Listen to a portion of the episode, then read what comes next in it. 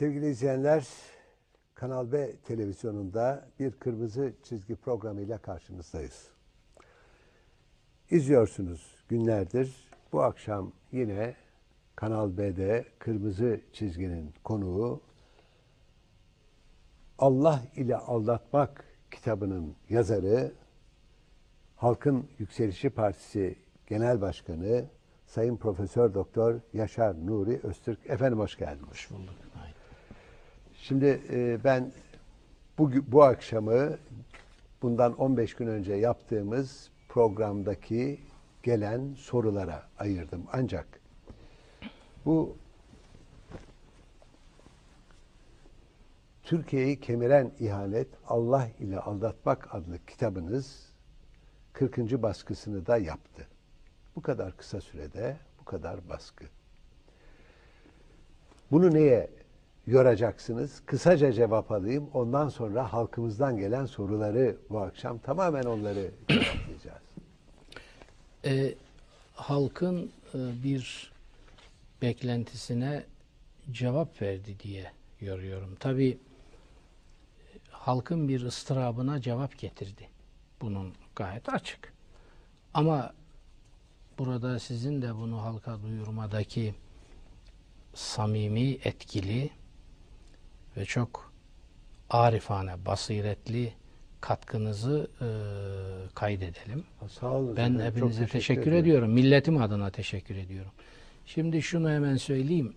Ee, siz duayen bir basın mensubusunuz. Bu işlerin içinden geliyorsunuz. Çok saygın bir yeriniz var. Ee, Hem basın dünyasında hem halkın gözünde bunu da ifade etmeyi bir vicdani görev biliyorum. Çok teşekkür ediyorum. Sağ. Şimdi Beni e, ben bunlar benim için çok sürpriz şeyler değil. Benim kitaplarım içinde bir milyon satan var. Ve mesela Almanca'ya çevrilen üç kitabım ki ben Almanca bilmem. Ben Fransızca, İngilizce bilirim. Almanca hiç bilmem. Almanca'ya çevrilen üç kitabım da Almanya'da bestseller olmuştur. Yani biz demek ki insanlığın ve özellikle Müslüman dindaşlarımızın bazı acılarına parmak basıyoruz. Bazı beklentilerine cevap getiriyoruz. Bazı problemlerine çözüm getiriyoruz. Bu Bu Allah ile şuradan aldatmak. kaynaklanıyor olabilir. Özür diliyorum. e, kestim ama Kur'an'ı ve Kur'an'ın emirlerini doğru anlamaya, doğru bilmeye Türk insanının açlığı diye özetleyebilir miyiz? O doğru. Biraz daha onun altına inelim. Keşke sade o kadar olsa. Kur'an-ı Kerim'in en hayati mesajları Müslümanlardan saklanmıştır. Hele Türk insanından saklanmıştır. Ve Türk insanının bunları keşfetmesi de asırlar sürmüştür. Çünkü Türk insanı Kur'an'ı okuyor, sevap almak için okuyor. Bakın öyle bir tezgah ki bu, şeytan bile buna külah çıkarır. Ve çıkardığından emin. Tezgah şöyle işliyor. Siz Kur'an'ı okuyun, sevap alın. Nasıl alacaksınız sevabı? Özellikle tercümesini okumayarak alacaksınız. Tercümesini okuyana sevap yok. Bu konuda izleyicilerden gelen Gelecek çok cevap sayıda vereceğiz. soru var. Şimdi Onları da herhalde yanıtlayacaksınız. en hayati e, beyineler, en hayati mesajlar işte birisi bu Allah ile aldatmak. Allah ile aldatmak tabirini Müslüman dünya bilmiyor.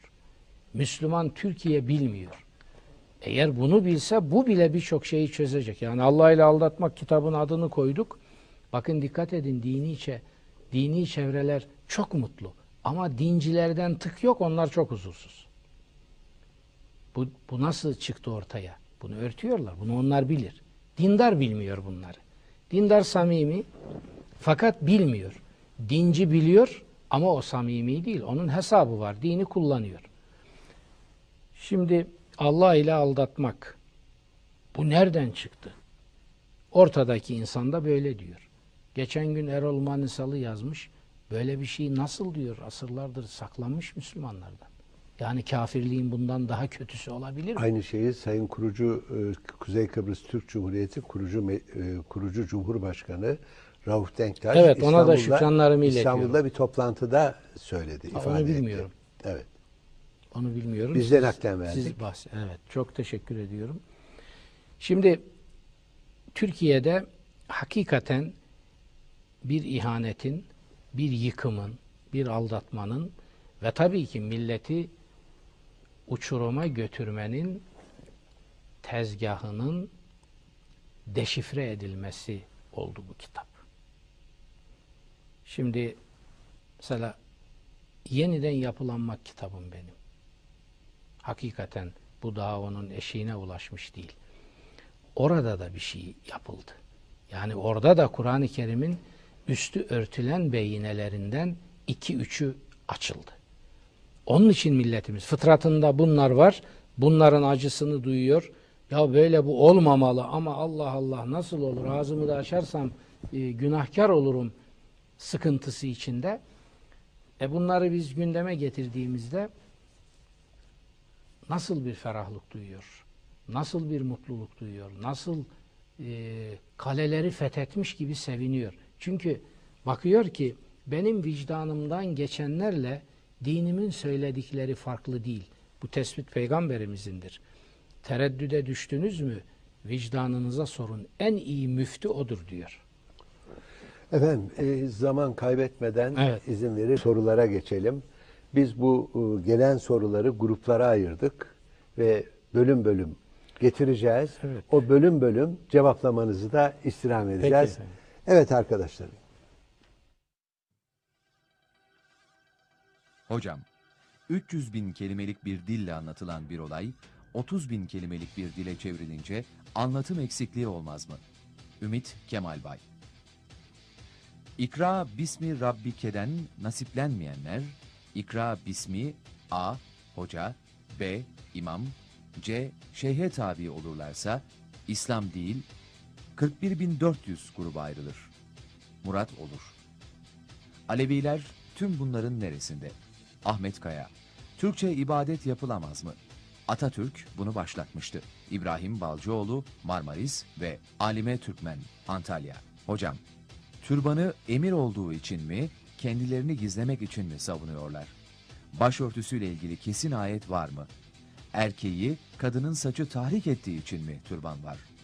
Başörtüsünün Kur'an-ı Kerim'de Allah'ın emri olup olmadığı konusunda ilahiyatçılar neden farklı yorumlar yapıyor? Ayet farklı yorumlara açık mıdır? Osman Kaldırımoğlu, Hakan Hases, Rıdvan İşbaşaran ve Nadir Öztürk. Elmalı'nın Kur'an tercümesinde gerçekte olmayan başörtüsü niçin değişmiş? Tarikatler ve hoca efendiler hakkında bilgi rica ediyorum. Atatürk'ü sevmeyen o kızlarımız İngiliz mandasında İslami değerleri nasıl yaşayacaklar? Bilmezler mi ki esaret altında yapılan ibadetler nafiledir? Çok üzgünüm. Mustafa Kemal'i böyle anlayan, yorumlayan gençlikten bu ülkeye ve İslam'a ne hayır gelir? Feridun Erdoğan, Nihat Erdin, Erikli Köyü Keşan, Oya Çubukçu, Eczacı, Mehmet Şahan, Bülent Akyol. İnsan Yasin ya da başka bir sure okunduğunda ve dua edilince askılı bir bluzle dua edemez mi? Bu günah mıdır? Peygamberimizin veda hutbesinde dinimizin en önemli konularını vurguladığını düşünebilir miyiz? Tahir Özdamar Allah'la Aldatmak kitabınızı her Türk vatandaşı okumalıdır. Şu anda görevde olsaydım bu eserin tüm lise ve denge okullardaki bütün öğrencilerin okumasını ödev olarak verirdim. Himmet Coşkun Çakır, emekli İl Milli Eğitim Müdürü, Bursa. Sizin felsefenizi çok beğeniyorum. 10 yaşındayım ama sizi çok seviyorum ve sizi sürekli görmek istiyorum. Serkan Samancı. Neden ön planda değilsiniz? Sözleriniz çok önemli ama arka planda. Serhat Kendir. Avcılar İstanbul. Kişisel gelişimde bahsedilen kendine güvene İslamiyet nasıl bakıyor? Din simsarı yapanların karşısında omuz omuza kalp kalbe beraberiz. Halis Asetey, emekli albay. Nisa suresinin 119. ayetinde de anlamını bilmeden okumaya teşvik edeceğim.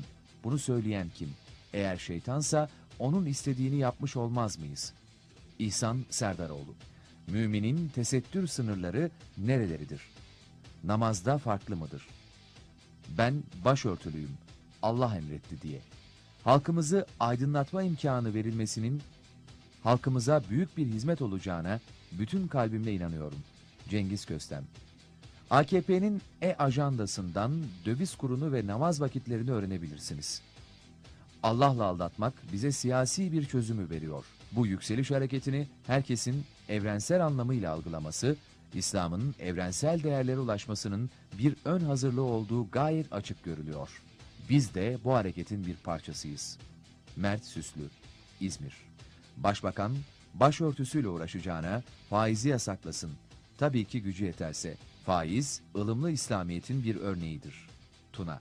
Türkiye Büyük Millet Meclisi'nde AKP sıralarından bir parlamenter, CHP'li milletvekilinin konuşmasında konusu gelmişken merhum İsmet İnönü için halk düşmanı dedi. Bu konuya cevabınızı beklerim. Salih Kestelli, Bandırma, Salih Ortaca, İzmir.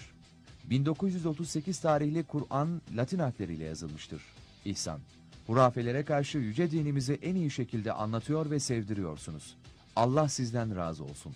Tarık Öğüt, Bursa. Müslümanlıkta Amerika Birleşik Devletleri uşaklığı var mı? Halkı sosyal görüş altında birleştirecek öncü olmanızı temenni ederim. Mustafa Ilgu, Merzifon. Kanal B'yi kuran ve yaşatanlara ne mutlu. Yaşar Bey kendini net ifade etmeli ki bir millet uyansın.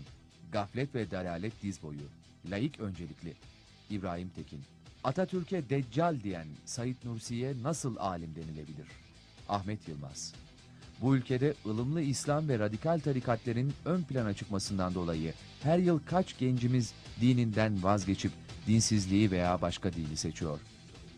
Diyanet hutbelerinde duada Allah'ım Müslümanlara yardım eyle, devletimizi, vatanımızı ve milletimizi muhafaza eyle deyin dediği halde imamlar devlet kelimesini söylemiyor. Mehmet Gül, emekli imam. Camideki hocalara imam deniliyor. Bunlar imam mıdır, hoca mıdır? İmamlık kimin hakkıdır, kime inmiştir? İmam Ağarman. Bir şirketler grubu başkanıyım. Büyü var mı? Yapılırsa olur mu? Etkisi ne kadar olur? İstirham ediyorum bunu açıklayın. Sayın hocam, kafam karıştı. Siz 5 diyorsunuz, bakan 6'ya mı çıkarmayı düşünüyor İslam'ın şartını? Selahattin Güloğlu, Ankara. Sayın Öztürk, sizi çok seviyoruz. Ne ABD ne AB tam bağımsız başı dik Türkiye diye aykırıyoruz. Türkan Karasu, emekli bankacı. Programınız çok yararlı. Hocamı tam bir uyarıcı algılıyorum. Şevket Altunbulak, Yalova. Arabistan'da öğretilen Vahabi dininin bize dayatıldığı unutulmasın. Kul hakkında bilgi verebilir mi? Yöneticilerin görevi kötü yönde kullanmalarının dindeki yeri nedir? Kitabınızı her görüşte olan kişilerin okumasını ve doğru yolu bulmalarını canı gönülden dilerim. Süha Sadıç. Tek kişilik ümmet olan Sayın Yaşar Hocama selamlar. Osman Kabasakal. Arhavi Artvin. Siz dinimizi bize en güzel şekilde öğretensiniz. Nursel Yüksel. Şimdi Sayın Öztürk e, çok sayıda e, soru var. Bu Evet. birinci, bir sadece birinci grubu. E, Biz bunları da kendi içinde grupladık. Aşağı yukarı binin üzerinde olan soru sayısını 400'e düşürdük.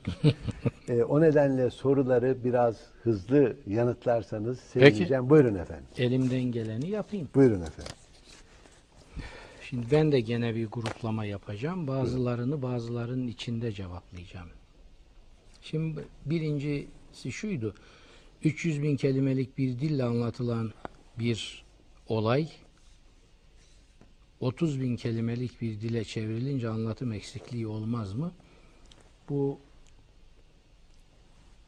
son derece sathi bir ifade. Ee, Kur'an-ı Kerim yani nasıl tercüme edilecek? Ee, evet bazı kelimeler Türkçe'de bir kelimeyle karşılığı yoktur. O zaman iki üç kelimeyi birden kullanacaksınız. Bu kadar basit. Nasıl yapılacak? Yapılacak ki Cenab-ı Hak herkes bunu anlamak için okusun diyor. Yani herkes kendi dilinde okusun.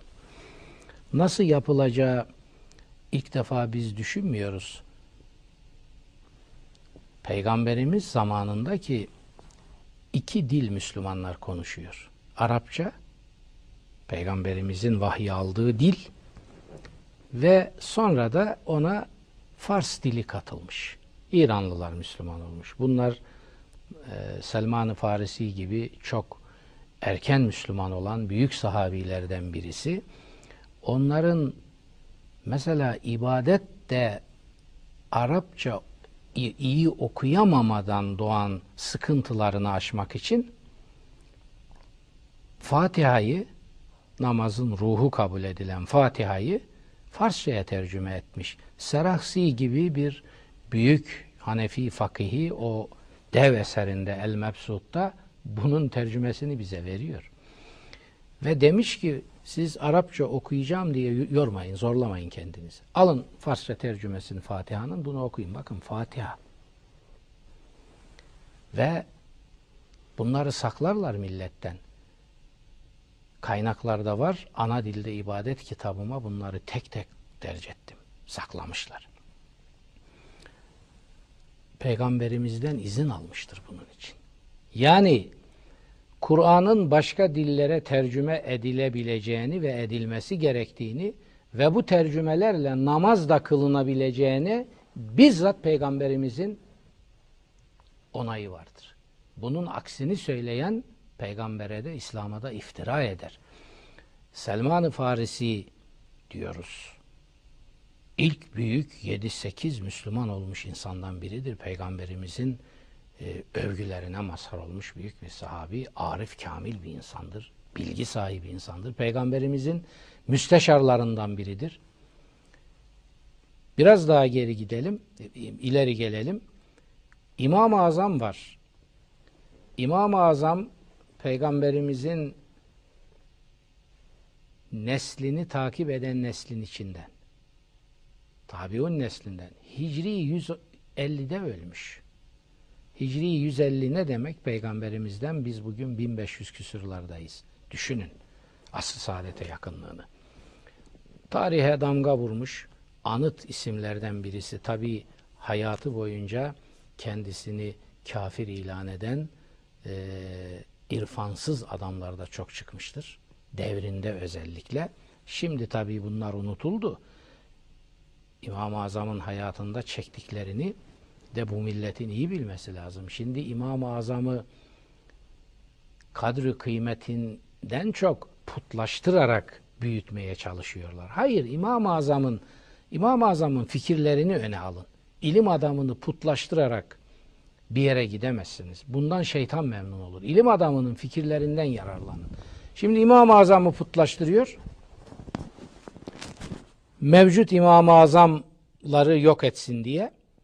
Öbür taraftan İmam-ı Azam'ın en hayati fikirlerini inkar ediyor. Kapatıyor üstünü. Diyanet bunu yaptı. Bu ülke Hanefi fıkhına bağlıdır büyük çoğunluğuyla. Peki İmam-ı Azam bu ülkenin bağlı olduğu fıkhi mezhebin başı. Tarihin tartışmasız İslam vicdan ve irfanının anıt temsilcilerinden biri kabul ettiği bir insan. İmam-ı Azam'ın asırlardır yürüyen bütün ekolünün mensuplarının paylaştığı bir düşüncesi var. Bu uygulanmış. Buhara civarında bunu Keşfül Esrarında bize bir başka Buhari'yi veriyor. Bu muhaddis Buhari değil o. Fakih bir zat vardır. Buhara'da civarında Selatin camilerde, büyük camilerde cuma namazları Fatiha'nın tercümesiyle kılındı bir zaman.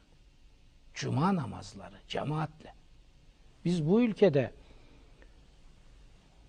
münferiden Müslüman namazını kılarken ihtiyaç duyuyorsa yani evinde Türkçe tercümesiyle Kur'an-ı Kerim'in kılsın. Bunu dedik. Bu yani bakın nereden nereye buna bile isyan ettiler. Niçin? İslam'ın Araplaştırılmasını ve Arap ve Arapça hegemonyasına mahkum edilmesini kırmak istemiyorlar. Çünkü oraya bağlı saltanatlar var. Şimdi Kur'an-ı Kerim bir mana ise İmam-ı Azam bunu diyor. Kur'an esasda bir manadır. Cenab-ı Hakk'ın bütün peygamberlere vahyettiğinde bu mana vardır. Hazreti Muhammed'e bu Arapça vahyedilmiştir. Bizim için mühim olan manadır. O mana olduğuna göre de her dile tercüme edilir. Bunu İslam tarihinde bir İmam-ı Azam söylemiş ve icabını yapmış. Bir de kim söylemiş biliyor musunuz? Atatürk. Fevzi Paşa, Ali Fuat Paşa, Rauf Orbay, Kara Kazım Paşa, milli mücadelemizin bu büyük cennet mekan kumandanları bir sohbet sırasında Kazım Paşa diyor ki Karabekir, işte bu mesele konuşuluyor. Ya Kur'an diyor Arapçaya nasıl tercüme edilecek Türkçe'ye filan edilemez. Diyor ki Büyük Atatürk, efendim bakın bu dediğiniz Kur'an'a hakaret olur. Çünkü tercüme edilemez demek manası yok demektir. Bakın bunu bir İmam-ı Azam söylemiş Büyük Atatürk'ten 1300 sene önce bir de bunu Büyük Atatürk söylüyor. Bu hakikaten dehşet verici bir şeydir. Atatürk ne fakihtir, ne ilahiyatçıdır, ne din adamıdır bunu. Fakat bu nasıl bir feraset, bu nasıl bir irfan, bu nasıl bir şuur ve, Ve nasıl sezgidir. bir akil adam. Yani nasıl bir iştir bu? Şu dehaya bakın. İmam-ı Azam'la aynı tabiri kullanıyor. İmam-ı Azam diyor ki Kur'an'ın bir ayetine atıf yaparak Kur'an mana olarak bütün vahiylerde vardır. Bildiğimiz bilmediğimiz. Adını bilmediğimiz binlerce peygamber var. Ve mana ise diyor her dile çevrilir. Ve mana ise o çevirilerin tümüyle hatta İmam-ı Azam'a göre İncil ve Tevrat'ın Kur'an'a aykırı olmayan ayetleri aykırı değilse onlar da vahiydir. Kur'an'ın kabulü de budur. Onların tercümeleriyle bile namaz kılınır diyor İmam-ı Azam. Çünkü namaz diyor bir münacattır. Ruhunuzdan Allah'a münacat iletiyorsunuz. Burada diyor edebiyat, seci, dil güzelliği falan böyle bir şey aranmaz. Ha Kur'an'ın hiçbir tercümesi Kur'an değildir. Kur'an'ın tercümesidir. Fakat 300 bin değil 500 bin kelime de olsa Arapça herhangi bir dile Kur'an'ın Eskimoca'ya tercümesi vardır. Eskimoca'ya. Muhammed İkbal, Muhammed Hamidullah Allah rahmet eylesin. Bunları hep çıkardı. E, Türkçe'ye de bunlar geçirildi. Tercüme edilir. Bir kelimeyle karşılığını bulamasan üç kelimeyle bulursun. Allah nasip etmiş şurada şu anda halkımıza hitap eden adam bunu hem de bir tek parantez açma ihtiyacı duymadan yapmıştır. Elmalılı yapmıştır mesela. Şimdi Elmalı'nın tercümesini sadeleştirme adı altında iptizale uğratıyorlar. Bizzat Elmalılı'nın orijinal metni dışında hiçbiri güvenilmez ve Elmalı'ya izafe edilmez. Bunu buradan tekrar ediyorum. Hepsini tarif ettiler. Elmalılı onları görseydi bunların hepsini mahkemeye verirdi. Tarif ettiler. Çünkü yapanların büyük çoğunluğu ehil değil, bu işi bilmez. Yani ilahiyat fakültelerinde benim de yaşadığım hadise. Merdiven başlarında iki kelime Arapça öğrenmek için oralara gelip giden bir takım başka mesleklerden adamlar. Üç sene sonra bir bakıyorsunuz ki kalkmış Kur'an tercüme ediyor. Ya insaf Allah'tan korkun. Yani ben titriyorum. Mehmet Akif gibi bir insan birkaç ayeti tercüme etmiş Türk dilinin büyük ustası.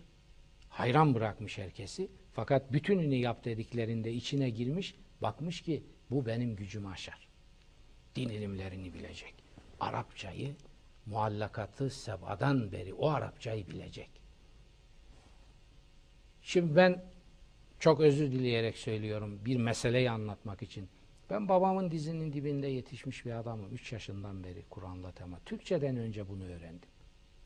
Ben Türk, Arapçayı Türkçeden önce öğrenmiş bir insanım. Ve 10-12 yaşında ben Muallakat-ı Seba'yı ezberleyerek okudum. Rahmetli Cansız Hoca'nın önünde Şenfara'dan Antara'ya kadar hepsini ezber, kitap vermezdi elime, yaz ezberle derdi. Sonra yayınlanan bir kitapta diyor ki bu Yaşar Nuri bu dün okuduğumuz dersleri ertesi gün gelir olduğu gibi ezbere tekrar eder. Diyor. Mecburduk. Kitap yoktu. Ezberleyerek. Şimdi Allah aşkına bu işle uğraşanlara bakıyorum da yani Türkçedeki behrelerini bir kenara koyun. Arapça bunların bu işi akıllarından bile geçirmemeleri lazım. Kalkıyor e, Elmalılı'yı sadeleştirecek. Elmalılı'yı sen sadeleştirebilir misin? Elmalılı'yı sadeleştirmek için de Elmalılı'nın kıratında bu işten nasiptar olmak lazım. Bırakın onu o nasibe sahip olanlar yapsın. Elmalılı'yı iptizale uğrattılar. Elmalılı'nın adına izafe edilen o sadeleştirilmelerin hiçbiri Elmalı'nın değildir. Bunu söylemek istiyorum burada. Şimdi Kur'an her dile çevrilir. Eskimoca dahil çevrilmiştir. Çevirdiğiniz dilde icabı neyse onu yaparsınız. Böyle lakırdılar. Bunlar şeytani lakırdılardır. Bunlar İslam'ı ve Türk insanını Arap ideolojilerine teslim etmek isteyenlerin lakırdılarıdır. 300 bin kelimelik Arapça 30 bin kelimelik Türkçe'ye nasıl çevrilir? Türkçe bir defa 30 bin kelime değil. O yanlış. İkincisi ta Muhammed bin Hamza'dan beri 6-700 sene öncesinden yapmışlar bunu. Oradan beri geliyor. Çok güzel yapılır. Yeter ki yapan bir, iyi niyetli, iki, ehil olsun. 30 bin kelimelik değil, 15 bin kelimelik bir dile de Kur'an çevrilir. Bu Allah'ın taahhüdündedir. Kur'an budur. Bu Kur'an'ın mucizelerinden biridir. Bütün insanlığa hitap ettiğine göre insanlığın bütün dillerine Kur'an te- tercüme edilebilir. Aksi takdirde Cenab-ı Hak abesle iştigal etmiş olur. Bunu buradan ifade etmek istiyorum. Hocam bu ifadeden sonra bir nokta koyalım. Kısa bir ara vereceğiz. Evet. Sonra devam edeceğiz. 400 sorudan bir taneyi cevap. Evet. Hayır birkaç tane. Sevgili izleyenler Evet. çok kısa bir ara veriyoruz. Bu çok kısa aradan sonra Sayın Profesör Doktor Yaşar Nuri Öztürk sizlerden gelen geçen haftalardan kalan cevaplayamadığımız soruları cevaplamayı sürdürecek.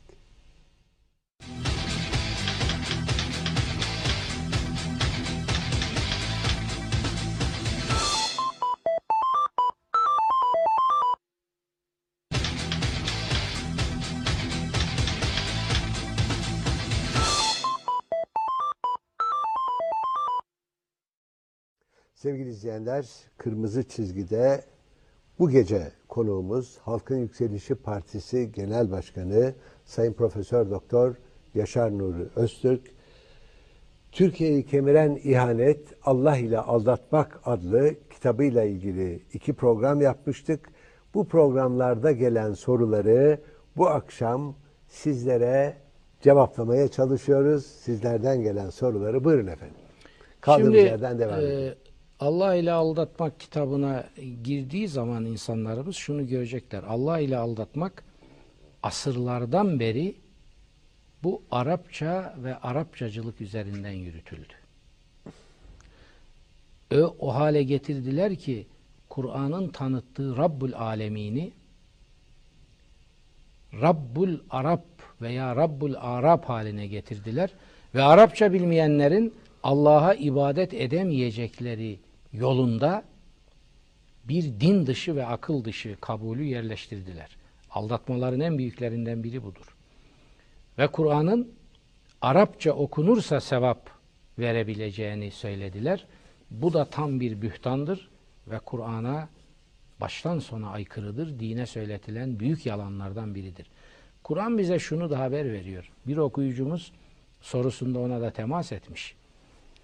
Diyor ki şeytanın size oynayacağı oyunlardan biri de sizi okuduğunuzu anlamayacak hale getirmektir. Bu evvela kitabullah üzerinde oynanmıştır. Şeytan bu oyunu şeytan bu oyunun başıdır.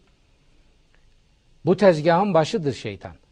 Yani o hale diyor onları getireceğim ki okuyacaklar anlamayacaklar. İşte yaptılar bunu. Bin sene okuduk Kur'an'ı. Çocuklarımıza Sıbyan mekteplerinde namaz sureleri diye o kısa sureleri öğrettik. Ama onların içinde ne vardır diye bizim çocuklarımız asla öğrenemediler. Sadece Arap harflerini telaffuz ettiler ve bununla sevap alacaklarını zannettiler. Bu sevap mevap meselesi de birilerinin uydurmasıdır. Kur'an böyle bir şey demiyor. Kur'an-ı Kerim'in dediği okuyun, benim ne dediğimi anlayın ve buna göre hayatınızı düzenleyin ve Cenab-ı Hakk'ın idealindeki insan olmaya bakın. Bunların hiçbirini yapmayın, okuyun size sevap verirler. Nereden çıktı bu? Bunun dayanağı neresidir? Sevap alacak olan Kur'an'ın ne dediğini anlayıp onu hayatına mal eden insandır. Bunu yapanlara sevap yok. Bunun aksini yapanlara bol bol sevap dağıtılmış. Bu işte şeytanın sizi ben emaniye kurban edeceğim, hayallere kurban edeceğim, anlamsızlıklara kurban edeceğim dediği şeyin ta kendisidir. Ben bunu Allah ile aldatmak kitabında Allah ile aldatmanın Arapçılık tezgahı, Allah ile aldatmanın Arapçacılık tezgahı iki başlık altında tafsilatıyla verdim. Şimdi sorular e,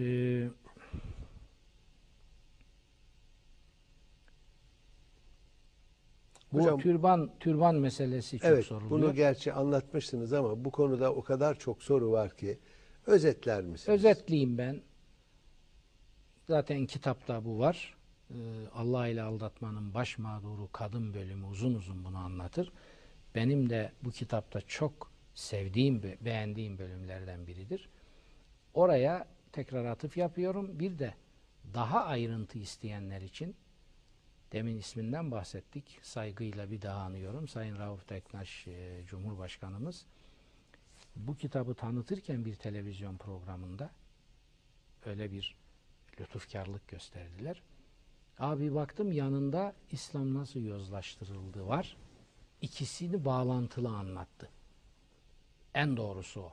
Yani mesela kadın meselesi, tesettür dedikleri hicap meselesi İslam nasıl yozlaştırıldı da çok ayrıntılı verilmiştir. Bütün tarihi macerası içinde.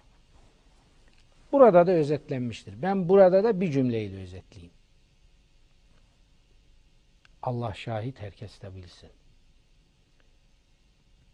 İhvanül Müslimin gibi bir şiddet örgütünün, bir radikal örgütün kurucularından biri olan Cemal el-Benna, Hasan el-Benna örgütün kurucusunun Allah rahmet eylesin hataları, sevapları olabilir, beğenmeyebilirsiniz ama bir mümin adam olduğunda kimsenin şüphesi olmaz. Allah rahmet eylesin. Onun kardeşi ki ilmiyeden bir insandır. Hasan el-Benna, siyasi bir adam. Kardeşi Cemal el-Benna, alim bir adam. Ama o da hareketin mürevvişlerinden biri. Şimdi şu söyleyeceğimi aynen o bile söylemiştir. Mısırlı Cemal el-Benna. Ee, Suriye menşeli esasında. Diyor. Ben de aynısını burada vereyim. Kur'an-ı Kerim'in abdest uzuvlarının örtünmesine dair bir emri yoktur. Abdest uzuvları kadın ve erkekte eşitliğin ve açık havaya maruz kalmanın göstergeleridir. Bakın kadın ve erkekte namaz kılmak için abdest şarttır ikisinde de, iki cinste de. İki cinste de abdest uzuvları aynıdır. Kadında ayrı bir uzuvu yok. İşte el, el, baş, ağız, evet kulak, işte burun, bu ayak. uzuvlar tesettüre tabi değildir. Bunlar şahsiyet, kimlik gösteren uzuvlardır. Cenab-ı Hak bunları abdeste yıkanmaya veya meshe tabi tutmuş. Bunun içinde bunlar açık havaya maruzdur kadında ve erkekte. İmam-ı Malik gibi bir insan mesela başın İmam Malik, Malikiliğin kurucusu, büyük muhaddis. Demin İmam-ı Azam'ın Hicri 150'de öldüğünü söyledik. İmam Malik de 179'da ölmüştür. Bakın o da hemen tabiun neslinin arkasından gelen bir nesil.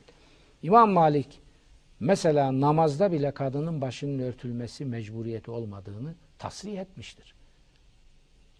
Aynı fikirde Cessas vardır. Büyük müfessir, fakih. Hanefi fıkhının o da anıtlarından biri. Aynı fikirde Said bin Cübeyr vardır.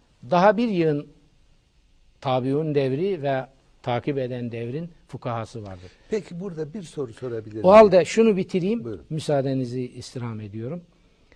Abdest uzuvları tesettüre tabi değildir. Tesettür kelimesi zaten geçmez. Bu zorla örttürme demektir kelime anlamıyla. Yani hicaba örtünmeye tabi değildir. Kur'an'ın örtünme emri var mı? Var. Nereye taalluk ediyor? Şimdi soruyor adam. Kur'an'da örtünme emri var mı? Gayet tabii var. Buna hiç kimse yok demeye filan getirmesin. Kur'an'ın kadının örtünmesine ilişkin açık emri var. Nedir o? Abdest uzuvları dışında kalanlardır. Nur 31'de de göğse özellikle atıf yapıyor. Çünkü Arap kadını göğüslerini fora ederek dolaşıyor. Göğüslerinizi örtün. Ha başını örten başörtüsüyle göğsünü kapatabilir. Ama emrin müteallakı göğüstür. Bakın bunlar ilim irfan işidir. Orada başörtüsü kelimesi geçiyor diye siz bunu başın örtülmesi. Hayır efendim. Başörtülerini indirsin göğüslerini örtsünler diyor. Dediği bu. فَلْيَرْضِبْنَ بِخُمُرِهِنَّ عَلَى جُيُوبِهِنَّ Emir bu. Başını ört diye bir emir yok Kur'an'da. Ama ben örtersem, ha örtersen o senin tercihindir. Ben onu saygıyla karşılarım. E Türkiye'de problem olmuşsa o zaman onu insan hakları bağlamında konuşuruz. Ha ben insan hakları bağlamında sormayacağım. izin verirseniz. Yani baş, baş abdest uzuvları tesettüre bunun kısaca ifadesi budur. Efendim siz anlatıyorsunuz. Diyorsunuz ki Evet. Allah rahmet eylesin Elmalı Hoca böyle bir şey yok diyor. Elmalılı'yı Elmalılı'yı Elma. kar- Elmalılı bakın. Elmalılı bu işe girmemiş. Elmalılı buraya. Elmalılı bakın Elmalılı kendi tefsirinde dinin iki kulvarı olduğunu tasrih ediyor. Elmalılı ne yaptığını gayet iyi bilen bir insan. Olsaydı girerdi onu söylüyor. Örfü veriyor. Diyor ki mesela bir yerde şöyle bu ifadeleri çok var tefsirinde. Ayetlerden mansus olan şudur diyor. Bak bak bak. Yani ayetin kendisine dayandıracağımız, nas diyeceğimiz verisi şudur. Devam ediyor. Ahkamı fıkhiyesine gelince. Şimdi fıkıh zannediyorlar ki fıkıh mansus olandır. Kur'an hayır efendim. Fıkıhta örf var. Örfün mesela kerahet örfiye var, kerahet-i şeriye var. Siz şimdi bunları ayırmadan fıkıh kitaplarında geçen her şeyi Din olarak e kabul sıkıştınız mı ne diyorsunuz? Ulemanın kavli budur. Biz ulemaya mı tapıyoruz? Ulemanın dediği başımız üstüne. Ama ulemanın bırakın da yaşayanların dediğini bakalım. Bin yıl önceki ulemanın yorumu benim bugün derdime yarar mı? Gidin Hanefi fıkhına havz-ı kebir kavramı vardır. Büyük havuz. Niçin bu kavramı koymuşlar? Muhteşem o gün için. Temiz su nasıl topluma içiririz? İşte fare ölüşü düşerse şöyle olur, genişliği şuysa bir leş düştü mü şöyle olur. Temiz su içirecek, hijyen kaygısı var. Şimdi siz o yorumları alıp da bugün sokakların şampuanla yıkandığı bir dünyada biz havz-ı kebirle suyun temizliğini tayin edeceğiz derseniz sizin kafanıza insan kafası derler mi? O gün onlar ne kadar makbul idiyse bugün de artık komik kalıyor. Binaenaleyh milletimiz şunu bilecek. Fıkıh dediğiniz eşittir Kur'an değildir. Bakın. Şeriat eşittir Kur'an değildir. Çünkü şeriat eşittir fıkıhtır. Her mezhebin kendine göre bir şeriatı fıkı var. Onun için mesela Kur'an-ı Kerim sizin her birinize bir şeriat verdik diyor. Ama dine geldiği zaman din Allah katında tektir diyor. Orada iki yok. Ama şeriat insan sayısı kadar şeriat olabilir. Bunlar karıştırılıyor birbirine. Binaenaleyh fıkıhta ulemanın dedikleri ait oldukları dönem için ve eğer mansus olan tarafları, Nass'a dayanan tarafları varsa tabii bu dönem içinde geçerlidir. Ama fıkhı tümüyle eşittir Kur'an ve o zaman da zaman üstü her zaman uygulanır derseniz bu azim bir bühtan olur ve bunun hesabını kimse Allah'a veremez. Çünkü bu dini mahveder bu. Hocam şimdi şunu sormak Evet. istiyorum. Bu türban konusunda da halkımız Allah ile Oradan alır. Aldatılı- Allah ile aldatılmış Hem mıdır? nasıl aldatılır? Bunu sormak istiyorum. Hem Özetle. nasıl aldatıldı? Bakın Allah ile aldatmanın siyaset tezgahının insafsız ve vicdansız biçimde kullandığı Müslüman bacılarımızın, kadınlarımızın başörtüsüdür. Başörtüsü başka bir şey, türban başka bir şey. Onu önce türbanlaştırdılar. Türban Fransızca bir kelime. Bak. Şimdi İslam örfünde başörtüsü var. Ve bu başörtüsünün yüzlerce şekli var. Başörtüsü bir üniforma değildir.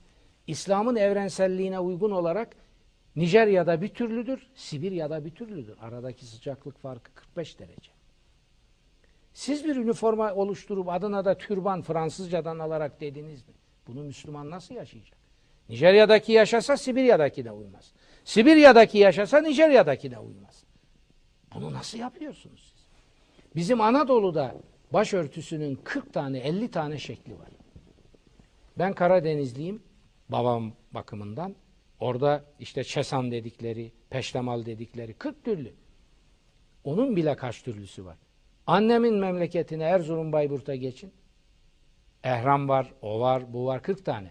Geçin Orta Anadolu'ya, geçin Akdeniz'e, geçin Ege'ye. yazması, ya el insaf. Bunlar asırlarca Müslüman değil miydi? Şimdi bir şey getirdi koydular. Bir tel saçın görünmeyecek. Vallahi ve billahi bu Sempol'ün kiliseye soktuğu Sempol söylemidir ve rahibe kıyafetinin tarifidir. Krintoslulara mektupta. Buraya da koymuşum. Görecekler orada. Bunu getirdiler, İslamileştirdiler. Bir tel, saç, bir tel saçın görünürse yanarsın. Bir Allah kulu çıksın da bunun İslam'da bir dayanağının olduğunu söylesin. Bu bir bühtandır. Bu İslam'ı yaşanmaz hale getirmektir. Alta bir tas geçiriyor. E ne yapsın çocuk? Gülme demişler ona. Bir tel saçın görünürse yanarsın. Üstüne de o sempol kıyafetini, kilise kıyafetini geçiriyor ve bunun adı Müslüman hanımın başörtüsü oluyor. Hayır haşa. Haşa benim dinime böyle bir kötülük yapıyorlar. Ve onun için bunu arkadan Hristiyanlar kotarıyor. Merve Kavakçı Büyük Millet Meclisi'nden kovulduğunda tezgahı kuran Amerika bu zulüm imparatorluğu Merve Kavakçı'yı aldı. O mecliste o gün taktığı başörtüsünü bir cam mekanın içine koydu. Kutsal örtü diye eyalet eyalet Merve Kavakçı ile şuna bakar mısınız? Eyalet eyalet burada anlattım. Cengiz Özakıncı'nın kitaplarında da var onu da öneriyorum.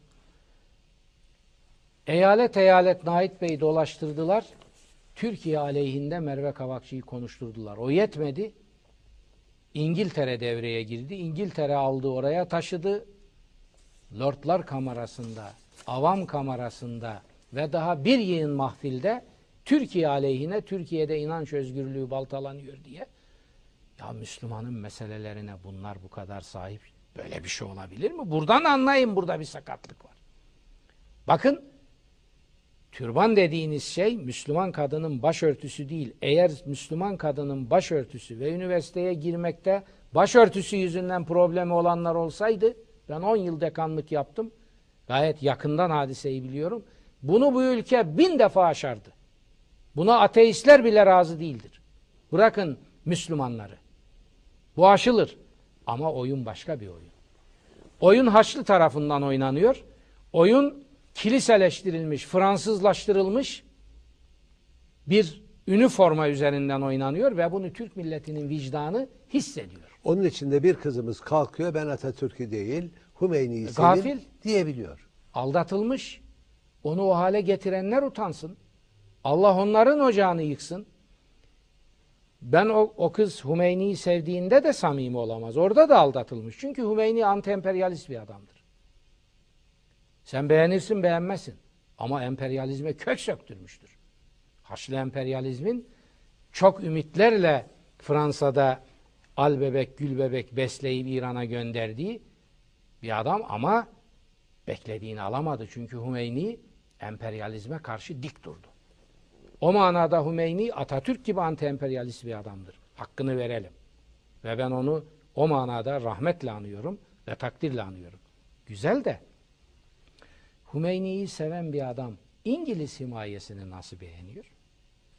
İngiltere'nin himayesinde olsaydık daha müreffeh ve daha adil bir hayat yaşardık diyor.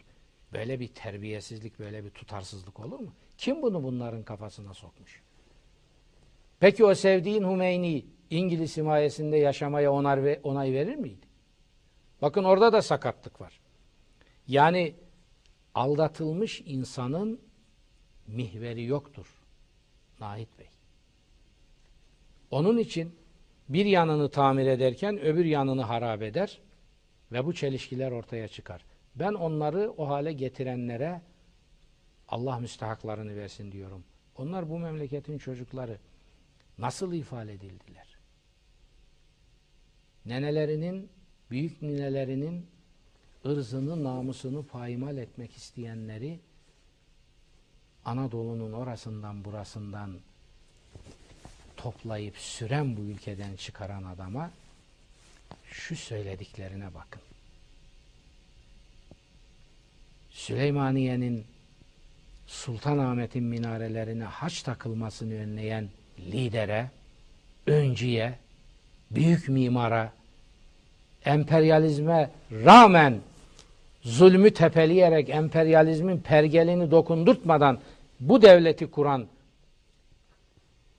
o büyük insana şu söylediklerine bakın. Burada vicdan arayamazsınız. Burada aldatılmış ve bir zihniyetin enstrümanı haline getirilmiş, üflenen neyse onun sesini çıkaran e, şuursuz e, aletler burada söz Hocam konusu. burada Fahri Ağı arkadaşımız diyor ki e, esaret altında İslami değerler nasıl yaşanır? Yaşanmaz. Bakın müdafaa hukuku bilirsiniz. Türkiye'nin dört tarafında müdafaa hukuk cemiyetleri. Bizim milli mücadelemizin temel felsefesinin ifadesidir bu. Müdafaa hukuk. Şu güzelliğe bakın. Şimdi bundan sonra çıkacak kitabım esas benim esas benim hayatımın kitabı odur. Türk bağımsızlık ve aydınlanma savaşının Kur'ani boyutları. Bu bu onun bu onun şey Öncüsü. e, şey böyle nasıl söyleyeyim? Mangası. Ka- he, bulaşık suyu demiyorum. Ya estağfurullah, yani öyle estağfurullah. demiyorum Yok, ama yok, yok. yani o, KDV'si filan gibi bir şey, bir habercisi. Esas o. O da Allah nasip ederse geliyor arkadaşlar. İnşallah. Şimdi orada gösterdik. Müdafaa-i hukuk. Müdafaa-i hukuk cemiyetlerinin başında tamamına yakını din adamları vardır. Mesela bir Denizli müftüsü Hulusi Efendi'yi düşünelim. Sütçü imam dedi. Sütçü imam tabi din adamı değil. Adı imam onun. Kendisi meslek olarak imam değil. Ama sütçü imam da dahil mesela Denizli müftüsü Hulusi Efendi gibi milli mücadelenin büyük öncülerinden biri, bir büyük din adamı şunu demiştir. Seccadeyi dürdük, dağa çıktık. Bu, bu iş bitene kadar böyle gidecek. Niye seccadeyi dürdü? Camiler açıktı. Onların namaza karşı bir zaafı mı vardı? Başörtüsü, başörtüsü peçeye varıncaya kadar vardı. Peki bu milli mücadele niçin verildi? Niçin verildi? Çünkü sevri getirdi dayattılar. Nedir o? Sizi biz haritadan sileceğiz. Size Türkiye'de İstanbul civarında şu kadar bir yer vereceğiz. Orada halifeliğiniz duracak. Bak bak. Halifeliğiniz duracak. Padişahlığınız duracak. Camileriniz duracak. Cemaatiniz duracak. Dininizi en ideal şekilde yaşayacaksınız. Tırnak nasıl yaşamaksa bu. Bunlar söylendi. Bunlar taahhüt altına alındı. Bunları İngiltere söyledi, taahhüt etti. Ve damat Ferit hükümetleri ve onların ifariyle padişah ve iki hain Şeyhülislam da buna evet dedi. Ve buna karşı çıktıkları için milli mücadeleyi kafir, eşkıya, katlı vacip ilan ettiler. Bu namussuzlukları yaşadı. Tarih, belge bunlar. E, At- Atatürk'ün idam Evet, fermanı evet. bizim rektörümüzün... Şimdi soruyorum ben o kızlara da Hocam, onları ifade hocam, edenlere de. Atatürk'ün idam fermanı Sayın Profesör Doktor Haberal'ın odasında asılı. Dürrizade'nin Evet. fetvası. Evet, Dürrizade. orijinali. Onun altında bir imza var. Dürrizade haininin imzası. Ama aksini söyleyen, Atatürk'ün etrafında kümelenmemiz gerektiğini söyleyen, Börekçizade fetvasının altında 153 büyük din adamının imzası var.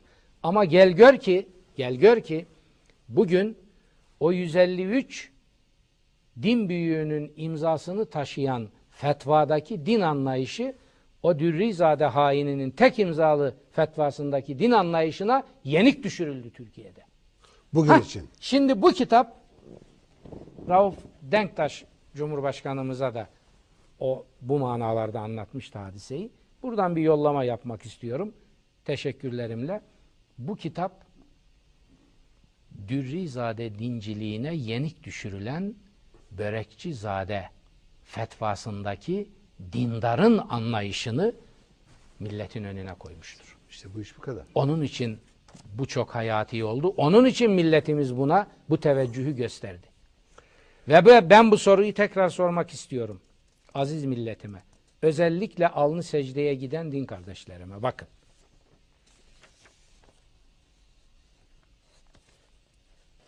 Ne oldu da bu soruyu dağa taşa yazmak isterim ben. Ne oldu da siyasetçiler dinlesin bunu sağcısı, solcusu, merkezcisi, ortadaki, oradaki, buradaki iki yüzlülüğü bırakarak bunu dinlesinler. Ne oldu da tarih, Cenab-ı Hak ve milletimiz mahkum etmesine rağmen o hain ve tek imzalı Dürrizade dinciliği tarih, milletimiz Cenab-ı Hak tarafından zafere ulaştırılan altında 153 din büyüğünün imzası olan Börekçizade'nin dindarlığını mağlup etti. Bugün Türkiye'de Dürrizade dinciliği egemendir. Ve aynen onlar gibi Haçlı'yla işbirliği yapmıştırlar. AKP'li arkadaşlarımdan da özür diliyorum. Beni lütfen anlasınlar. Benim onlarla şahıs olarak hiçbir sıkıntım yok. İçlerinde çok değerli arkadaşlarım var. Çok değerli öğrencilerim var. Geçmiş dönem benim de mecliste olduğum dönem iki tane de hocam vardı. Bugün de bir tane var Mehmet Aydın. Benim hocam diye hitap ettiğim bir insan. Saygın baki. Fakat bu kitabın 6. bölümü Allah ile aldatmanın saltanat devri AKP dönemi adını taşıyor. Maalesef böyle. AKP bu millet ona milleti refaha, huzura, esenliğe taşı diye oy verdi. iki dönem. Ama başındaki zat beni de hayal kırıklığına uğratacak bir şey yaptı. Ne dedi? Burada var. Biz bu coğrafyada, aynen kelime kelime okuyorum. Biz bu coğrafyada bir görev yapıyoruz. Bizim bir görevimiz var. Nedir o görevimiz? Aynen. Biz bu coğrafyada BOP projesinin eş başkanlık görevini yapıyoruz. Bitmiyor. Takviye ediyor. Bizim görevimiz işte bu. Tırnağı kapatıyorum. Burada sordum. Buradan da soruyorum. Sevgili kardeşim Recep Tayyip Bey, bu görevi sana kim verdi? Bu tarihin önünde çok hayati, tarihi bir sorudur. Millet sana BOP da eş başkan ol diye görev verdiyse çık söyle.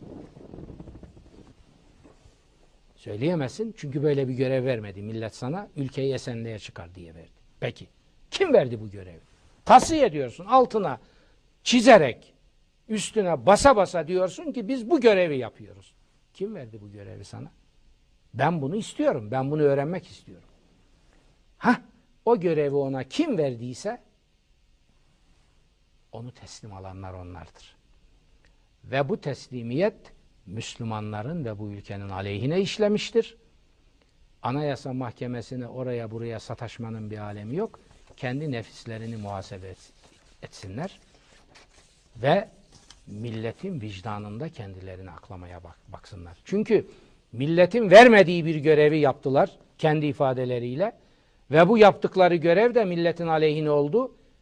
İslam dininin de aleyhine oldu, Müslümanların da aleyhine oldu. Olay budur. Biz bunu deşifre ettik burada. Evet. Şimdi bir grup soru daha alalım. Bir grup da- soru daha alalım. Onları cevaplamaya çalışalım Peki. arkadaşlarım. Sanki bunları cevapladık mı? Büyük bölümünü. Evet yani.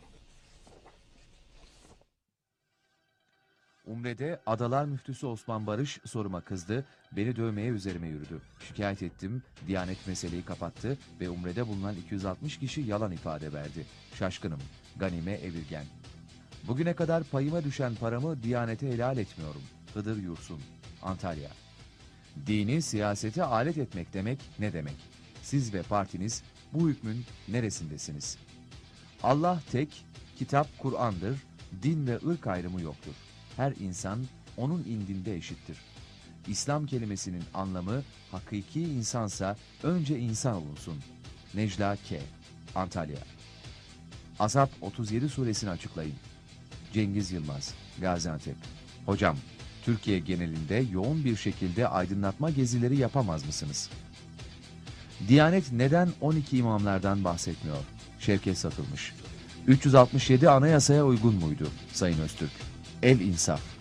Dolarla ve avroyla alışveriş yapmak, bunları biriktirmek, vatanını, milletini sevenler için caiz mi? Cahit Yetkin. Hocam, şeriat düzenini savunanlar ikna aracı olarak Maide 44-45 ayetlerini delil olarak kullanıyor. Lütfen açıklar mısınız? Turan, Samsun. Kurumlar arasında maaşlar niçin bu kadar farklı? Burada da kul hakkı yok mu? Mehmet M. AKP hükümeti zina yapmayı suç olmaktan çıkarmıştır. Sıra Kur'an'dan ayetleri silmeye mi geldi? Bunlar Kur'an'ı halka şikayet edip yeniden yazabilirler mi? Bahri Çetin, Akçakoca. Beş vakit namaz kılmak şart mıdır?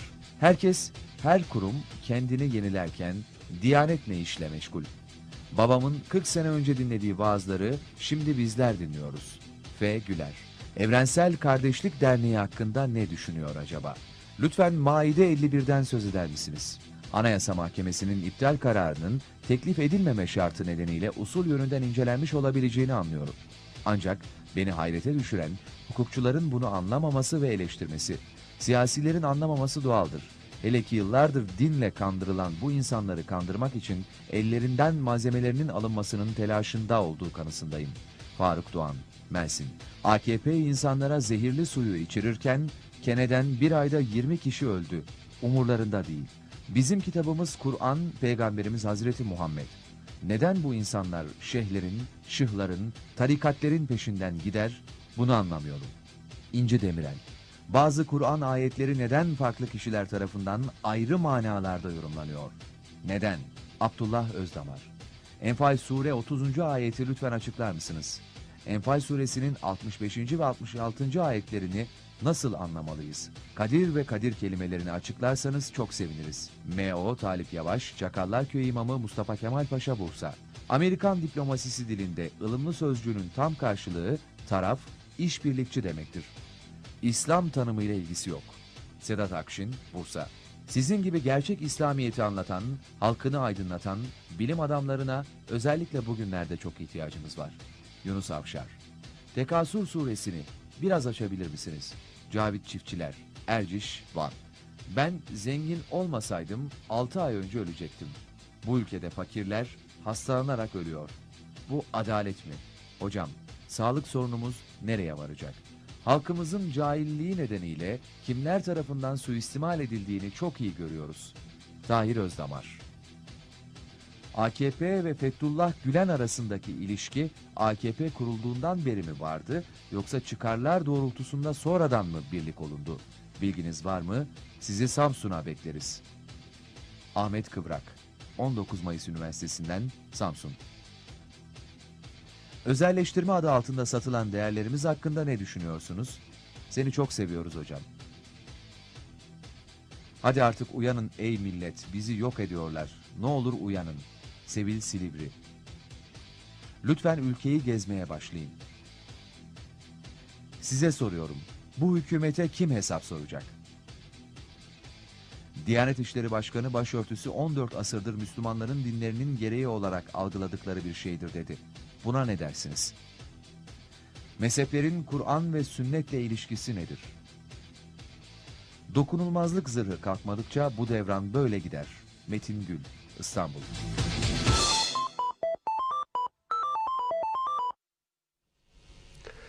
Sayın Öztürk o kadar çok soru var ki e, biraz süratle süremiz de çok daraldı. Evet, e, çok evet biliyorum ama hepsi o kadar anlamlı ve o kadar açılası sorular ki yani bir cümleye sığdırdığım zaman içim burkuluyor. Tamamlayayım diyorum. O zaman da ötekiler gidiyor. Şimdi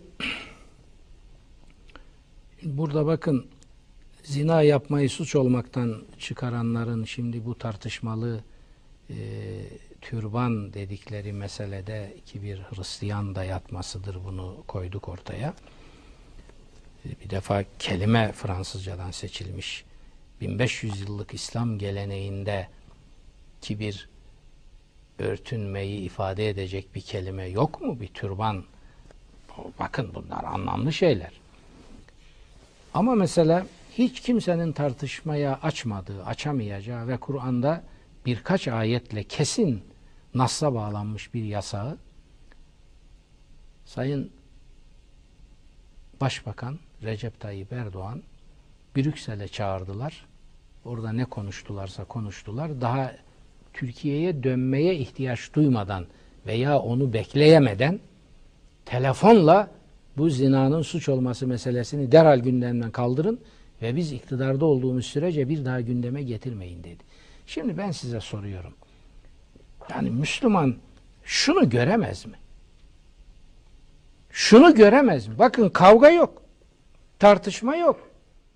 Ne Kur'an'da bir ihtilaf var bu konuda ne de millet nezdinde bir ihtilaf var. Siz bunu ceza kanununa suç olarak yazsanız kimse ne sokağa dökülecek, ne kavga çıkacak, ne tartışma hiçbir şey yok. Bir tek Brüksel buna karşı çıktı.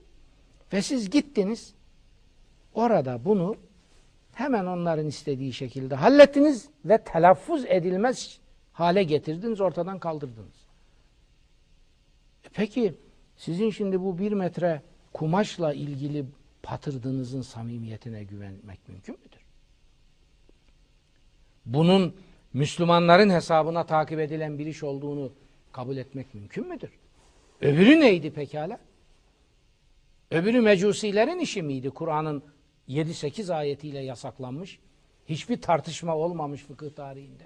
Demin benim dediğim gibi işte Cassas öyle düşündü. İbni Said bin Cübeyr böyle, böyle bir şey yok. Herkes aynı düşünüyor. Evet yani böyle konuda. bir şey yok.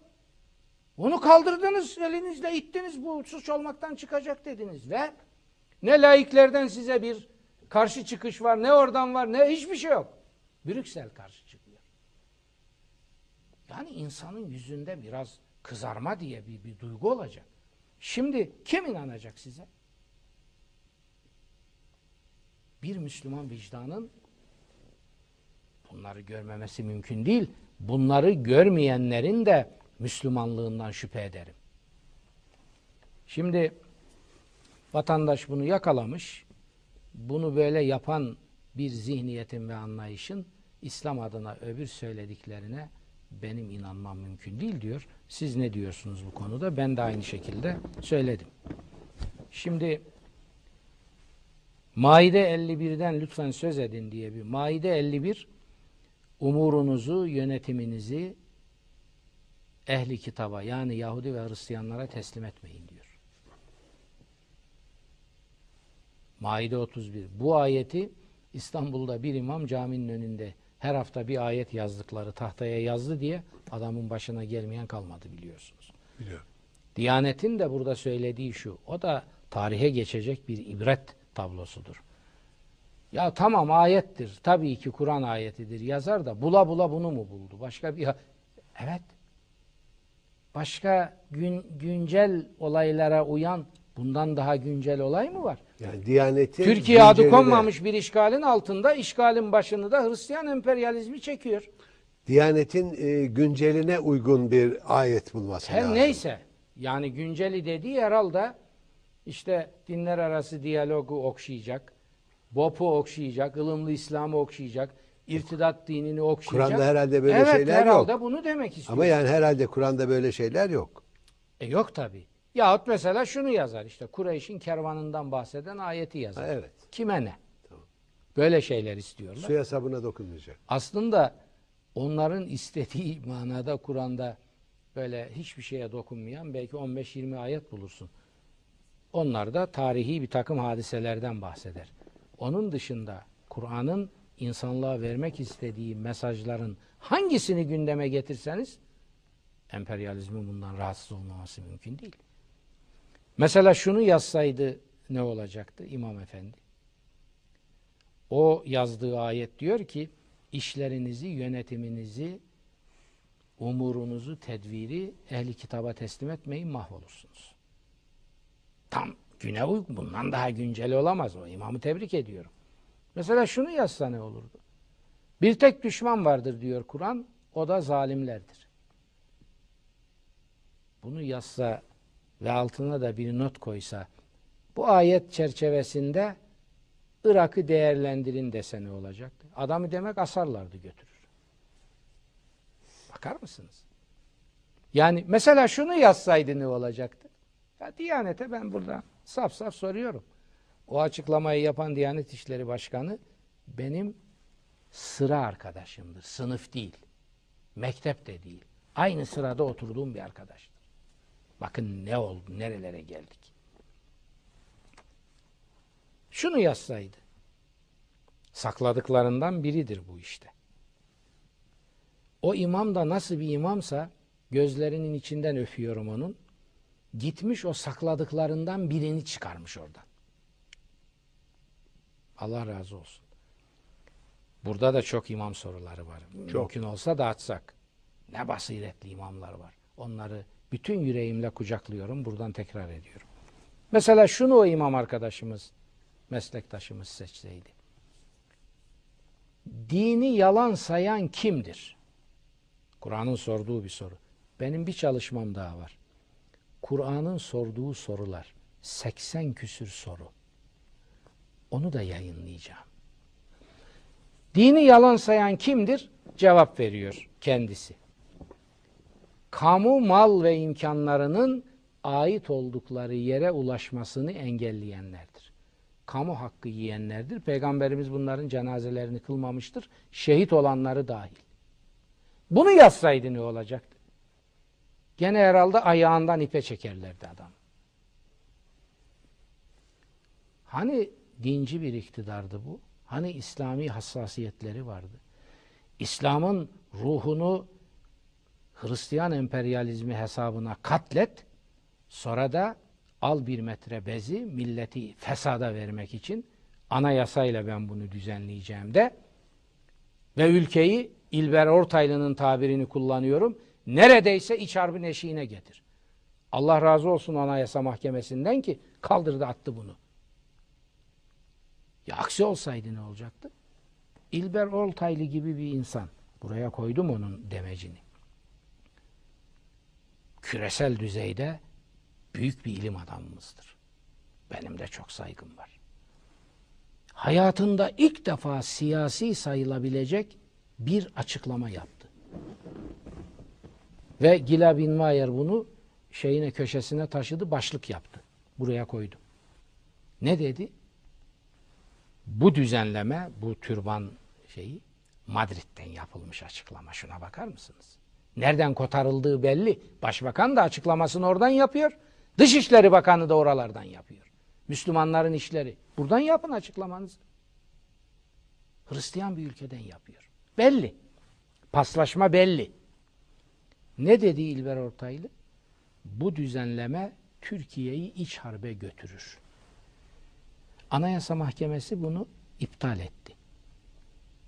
Bu millet o Anayasa Mahkemesi üyelerinin önünde saygıyla eğilsin ve onlara şükranlarını, dualarını iletsin. Bir hukuk devletinde milleti böyle bir felakete gidişten kurt kurtardılar. Tamam bunu da geçelim. Yani Maide 51 daha bunun gibi bak kaç tanesi var. Bakın şimdi soruya bakın şu yani bizde demek ki milletin canına tak etmiş. Müslümanlıkta ABD uşaklığı var mı? Haşa. Gayet tabii yok sevgili kardeşim.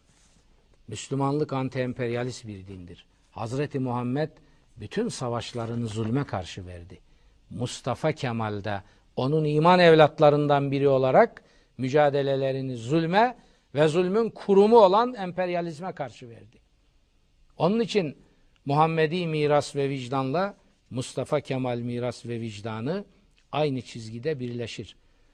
Umarım Allah bu ülkede siyaset yapanlara bu çizgiyi görmek ve bunun siyasetteki icabını yakmak basireti nasip eder. Biz bunu yapmak üzere milletimize bir vaatte bulunduk. Fakat bunu fark eden ve bundan rahatsız olanlar dediler ki siz din anlatın Yaşar Nuri Öztürk. Bu çok güzel. Ama sakın bunun icabı olan şeyi yapmaya kalkmayın. Biz milletimizi anlatmaya devam edeceğiz. İcabı olanı yapmak üzere vekalet istemeye de devam edeceğiz. Gayet açık. Şimdi bu kitap bir yaraya parmak basmışsa o zaman bunun reçeteye dönüştürülüp Türkiye'nin hayatına sokulması lazım. Yoksa bu kitap bir sene iki sene sonra unutulur gider. Üniversite raflarına kalır. Tez yapanların, araştırmacıların e, kitaplıklarına döner. Bunun milletin hayatına mal edilmesi lazım. Onun yolu siyasettir. Onun yolu da milletin bu projelere vekalet vermesidir. Bunu da buradan ifade etmek istiyorum. Bakın mesela yine bir imam sorusu. Çok muhteşem imam arkadaş soruları var burada. Diyanet hutbelerde duada Allah'ım Müslümanlara yardım eyle, devletimizi, vatanımızı himaye et diye e, söyleyin diyor. Ama diyor birçoğu buradan devletimizi tabirini çıkarıyor. Niye çıkarıyorlar biliyor musunuz? Bağlı oldukları odaklar bunlara diyorlar ki bu devlet Mustafa Kemal'in kurduğu devlet ve İslam dışı bir devlet. Biz Mustafa Kemal'i saf dışı edip anıt kabiri de ortadan kaldırıp bir dini devlet kuracağız. Türkiye'de oyunun son sahnesi taraflarıyla budur. Şimdi bu ülkede Haçlı emperyalizmin kodamanları gelse Nahit Bey ve milletim çok iyi dinleyin bunu. Bu soruyu burada da sordum. Bunu açtım. Altını çizerek bir daha söylüyorum. Gelse İslam'ın ve bu ülkenin bin yıllık düşmanları, kodamanlar gelse deseler ki bu ülkede bakın böyle namussuzların olduğunu biliyorum ben. Deseler ki biz Mustafa Kemal'in anıt kabrini ortadan kaldırırız. Ama bir şartımız var. Kabe'yi de ortadan kaldıracağız. Böyle bir ağır şart koşsalar. Ya bir lider nihayet bir insanın mezarıyla tevhid dininin en büyük mabedi. Ne alakası var kardeşim? Ne biçim laf konuşuyorsunuz? Demez. Şöyle bir durur. Şöyle Mustafa Kemal'e ve mirasına duyduğu kin ve nefretle şu cevabı verir. Verenleri var biliyorum. Ve bunlar su başlarında bugün. Der ki tamam kardeşim. Biraz zor ama kabul etmesi olsun. Sen anıt kabiri ortadan kaldır, Kabe'yi de ortadan kaldır kabul ediyoruz. Evet bunu diyecek adamlar var. Ve bunlar az değil. Ve bunlar Türkiye'nin en etkili noktalarında. Şimdi işte böyle bir yerdeyiz biz ve 2023 Türkiye Cumhuriyeti'nin 100. yılını tırnak içinde kutlamaya doğru gidiyoruz. Onu mu kutlayacağız 2023'te? Yoksa şu demin dediğim onursuz zihniyetin karşı devriminin başarısını mı birileri kutlayacak? Bu mesele şu anda ortadadır. Geçen gün bir konferansımda Kırıkkale'de verdim. Orada sordular bir ifade kullandım. Burada onu aynen tekrar etmek istiyorum. Sadece bir fikir ve ilim adamı olarak değil bir siyasetçi olarak da tekrar etmek istiyorum. Birilerinin bunu iyi anlaması lazım. Türkiye Sırat Köprüsü'nün üstündedir beyefendi. Bu kitap bu Sırat Köprüsü'nün üstünde bu milletin eline verildi. Onun için bu heyecanı yaratmıştır. Bakın Sırat bana soruyorlar. İyi mi durum? Kurtulacak mıyız yoksa batacak mıyız? Sırat Köprüsü'ndeyiz. Ne demek hocam bu? Bak şu demek. Sırat Köprüsü'nü gerekli hassasiyeti gösterir, direnci gösterir, ıstırabı göğüsler, karşıya geçersen cennet. Geçemezsen Cehennem. aymazlığa, zevzekliğe, vurdum duymazlığa, havaleciliğe gider. Yok canım falan der, bırakırsan altı cehennem gayyası. Şimdi Türkiye Sırat Köprüsü'nün üstünde. Ya karşıya geçeceğiz, orası cennet. Eğer o dirayeti gösterirsek, o tahammülü gösterirsek, yahut burada 2023'e giderken böyle bir köprünün üstünde olduğumuzu unutmayalım. Bu köprünün üstünde ben milletime, milletim bana siyasette vekalet vermedi. Çok erkendi, duymadılar, öğrenmediler, bilmediler. Ben onu tartışmıyorum. Neyse ne. Ama ben bu ülkenin bir evladı olarak Muhammedi mirasla Mustafa Kemal mirasının bu coğrafyalarda sade bizim için değil bütün Orta Doğu için tek kurtuluş reçetesi olduğuna onların birlikteliğinin tek kurtuluş reçetesi olduğuna inanan ve bunu hayata geçirme iktidarında olduğuma da inanan bir insan olarak şimdi yapacağım neydi? İşte bunu milletimin eline vermekti, verdim. Evet. Sorular ılımlı sözcüğü diyor Amerikan diplomasi dilinde tam karşılığı işbirlikçi demektir.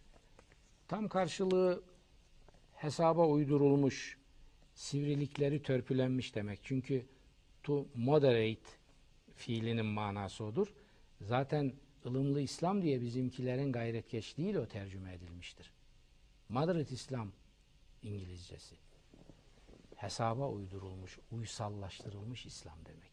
Yani Hristiyan hesaba, haçlı hesaplara, sömürgecilik hesaplarına uydurulmuş din demek. Bunun İslam ilahiyatı ile ifadesi Nahit Bey irtidat dinidir. Çünkü o dediklerini yaparsanız mürted olursunuz. İrtidat İslam'ıdır bu. İrtidat dinidir. ılımlı sözcüğünün tam karşılığı işbirlikçi demektir. Tabi sonuçta odur ve zaten yaptıkları da budur. Demin e, biz bu coğrafyada bir görev yapıyoruz sözlerini değerlendirirken söyledim. Tekasür suresiyle enteresan bakın şimdi. Burada bir açıklama yapmak istiyorum. Tekasür suresi Kur'an-ı Kerim'in bir surelerinden biri ufak. Namaz sureleri dediklerinden. Bak bunun da üstünü örttüler. Tekasür suresinin dediği şudur. Nüfusunuzun çokluğu sayısıyla sakın övünmeyin bu putperestlik alametidir. Nüfusun kalitesiyle övüneceksiniz. Tekasür suresi bunu söylüyor. Bunu anlattılar mı millete? Allah ne verdiyse doğurun diyorlar. Ve bunu dine mal ediyorlar. Bu da Allah ile aldatmanın çok şeytani oyunlarından biridir. E vatandaşın birçoğunun da hesabına geliyor. Ya diyor bak ne güzel ya. Ben sıkıntılara girmeyeyim. Demek ki Allah ne gönderiyorsa doğurmak lazım. O zaman ben de kendimi zora niye sokayım? Allah rızkını verir. Amenna verir. Yalnız unutmayalım Allah böceklerin, solucanların, yılanların, farelerin de rızkını veriyor. Ama onlar insan değil. Ve onlar insana yüklenen görevlerle sorumlu değil. Allah rızkını verir, istediğin kadar doğurun gerekçesi değildir. Tam tersine bu Tekasür suresinde Kur'an bize gösteriyor ki Böyle düşünmek putperestlik göstergesidir. O halde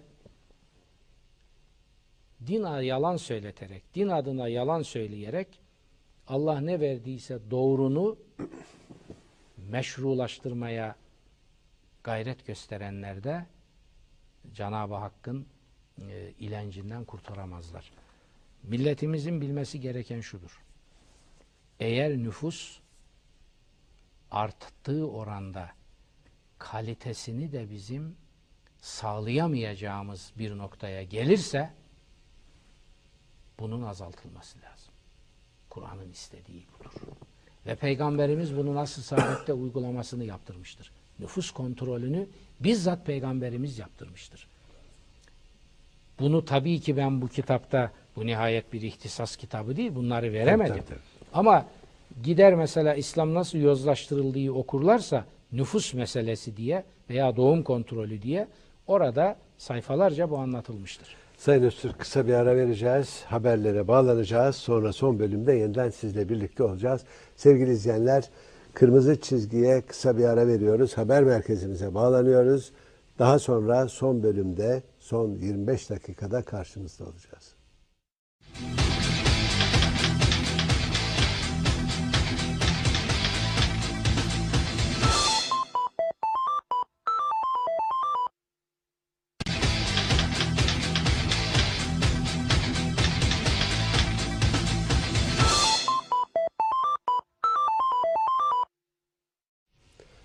Sevgili izleyenler, Kırmızı Çizgi'nin son bölümünde Halkın Yükselişi Partisi Genel Başkanı Sayın Profesör Doktor Yaşar Nuri Öztürk'le birlikteliğimiz sürüyor.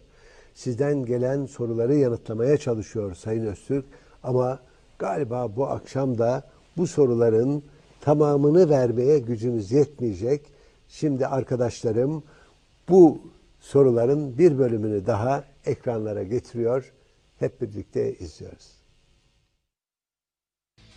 2 trilyona cami yaptırılıyor. Hangi helal parayla böyle cami yapılır? Atamızın Kurtuluş Savaşı başarısını gölgelemek için erenlerin savaş kazandığı söyleniyor. Mustafa Günem, Denizli. Suçluları korumaktan ne zaman vazgeçeceğiz? Ahmet Öz, Denizli. İslam'da reform yapılamıyor. Anlamadan nasıl dindar olunur? Kemal Çimili. Onlar sırtlarında kitap taşıyan eşeklere benzer. Ayetini açıklar mısınız lütfen? Ufuk Beceral. Allah sizlerden razı olsun. Ülkem bu badireden çıkacak. Tahir Sertkaya, Alanya. Düğün salonlarında müzisyenlik yapmaktayım. Mevlütlü düğünlerde mevlüt ve dua okuyan cami imamlarının aldıkları bahşişler haram mıdır? Benden bir farkları kalmakta mıdır? Halit Eroğlu, Adapazarı. Size ihtiyacımız çok fazla. Lütfen kendinize acilen koruma tutun. Ülkemizde faydalı fikirleri katletmede üzerimize yok. Semih Sayraç. Öğrencilere din öğretmeninin korkutmak için izlettirdiği dini film hakkında ne düşünüyorsunuz? Gülce Akbay. Allah'la aldatılanın sorumluluğu nedir? Mehmet Akif Kunak, Eskişehir. Dinimiz ahlak üzerine kurulmuş, ahlakın önemini lütfen anlatın. Atilla Demirdelen. Bu toplumda beklenen uyanışı gerçekleştirebilecek karakteri görüyor musunuz? Oya Kırman, Trabzon. Sayın hocam hayranım. En büyük devrimci Mustafa Kemal'in meşalesini taşımaya devam ediyor. Niyazi Turan. Sadaka ekonomisiyle, gıda paketleriyle, kömürle aylık 150 TL ile oy topluyor. Ondan sonra milli irade diyorlar. Böyle milli irade olur mu? İlhan Balcı. Kabe'nin anahtarını şaraba satan zihniyet hep egemen oldu. Halen yayılmakta. Ne yazık ki alet olduk. Aldatıldık. Erol Erdem. Türkiye'nin sizin gibi aydınlara ihtiyacı var. Ozan yurt vermez. Hocamın yüreğine sağlık. Avukat Handan Tokar. Gerçekleri dini bilenden dinlemek çok güzel. Bilal Erdoğan. Keşke sizin gibi insanlar daha fazla olsa. M. Deniz, Adana. Programınızı ilgiyle izliyorum. Özgür Utku Seçkin. Güzel dinimizi Arap faşizminden arındırarak milletimize hizmet veriyorsunuz. Zafer Orsdemir, Osmaniye. Ekonomik Kurtuluş Savaşı'na hazır olmamız gerekmiyor mu? Nurettin Kılıç Aslan, Antalya. Namaz, Kur'an-ı Kerim'de kaç vakit olarak bildirilmiştir? Vergi affı yapıyorlar. Aftan önce ödeyenlere karşı adaletsizlik olmuyor mu? Dinimize göre açıklar mısınız? Nurten Ataoğlu. Anayasa Mahkemesi'nin kararlarını da ulemanın denetimine sokmak mı istiyorlar? Galip Ersel. Türbanın tarihçesine kısaca değinir misiniz? Neden başörtüsü değil de türban? Hasan Bekir. Müslümanın gerektirdiklerini yerine getirmeyenlerin Müslümanım demeleri uygun mudur? Murat Tosun Niğde. Rabbim kul hakkını affetmiyor. Oy veren AKP'nin yaptıklarından sorumlu değil mi? Tulin Bulakbaşı. Söyleyebildiklerime, düşünüp de söyleyemediklerime tercüman oluyorsunuz. Kamil Erkaymak.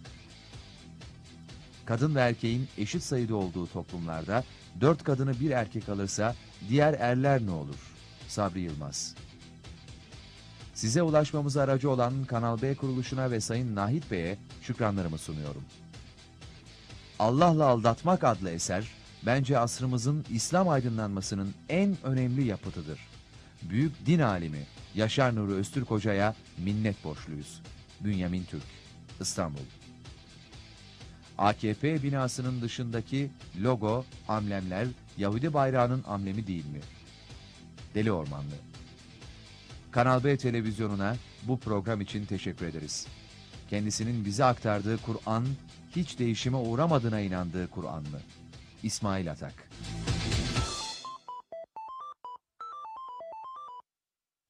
Sevgili izleyenler son 19 dakika ben hiç lafı uzatmadan sözü Sayın Öztürk'e bırakıyorum. Buyurun. Evet çok müthiş sorular var. Ee, şimdi hangisini tercih edeyim? O kadar birbirinden güzel ki bunlar. Allah ile aldatanlar günahkar mı sayılır? O kadar ucuz değil. Allah ile aldatanlar iki suçtan birini işliyorlar. Hocam bir de aldatılanlar da var. Bir başka soru. Şimdi İkisini bir birden. aldatanları anlatayım. Evet, ikisini Zaten birden. aldatılanlar biraz beklenti içinde olmasa, prim vermese öbürler başarılı olamaz.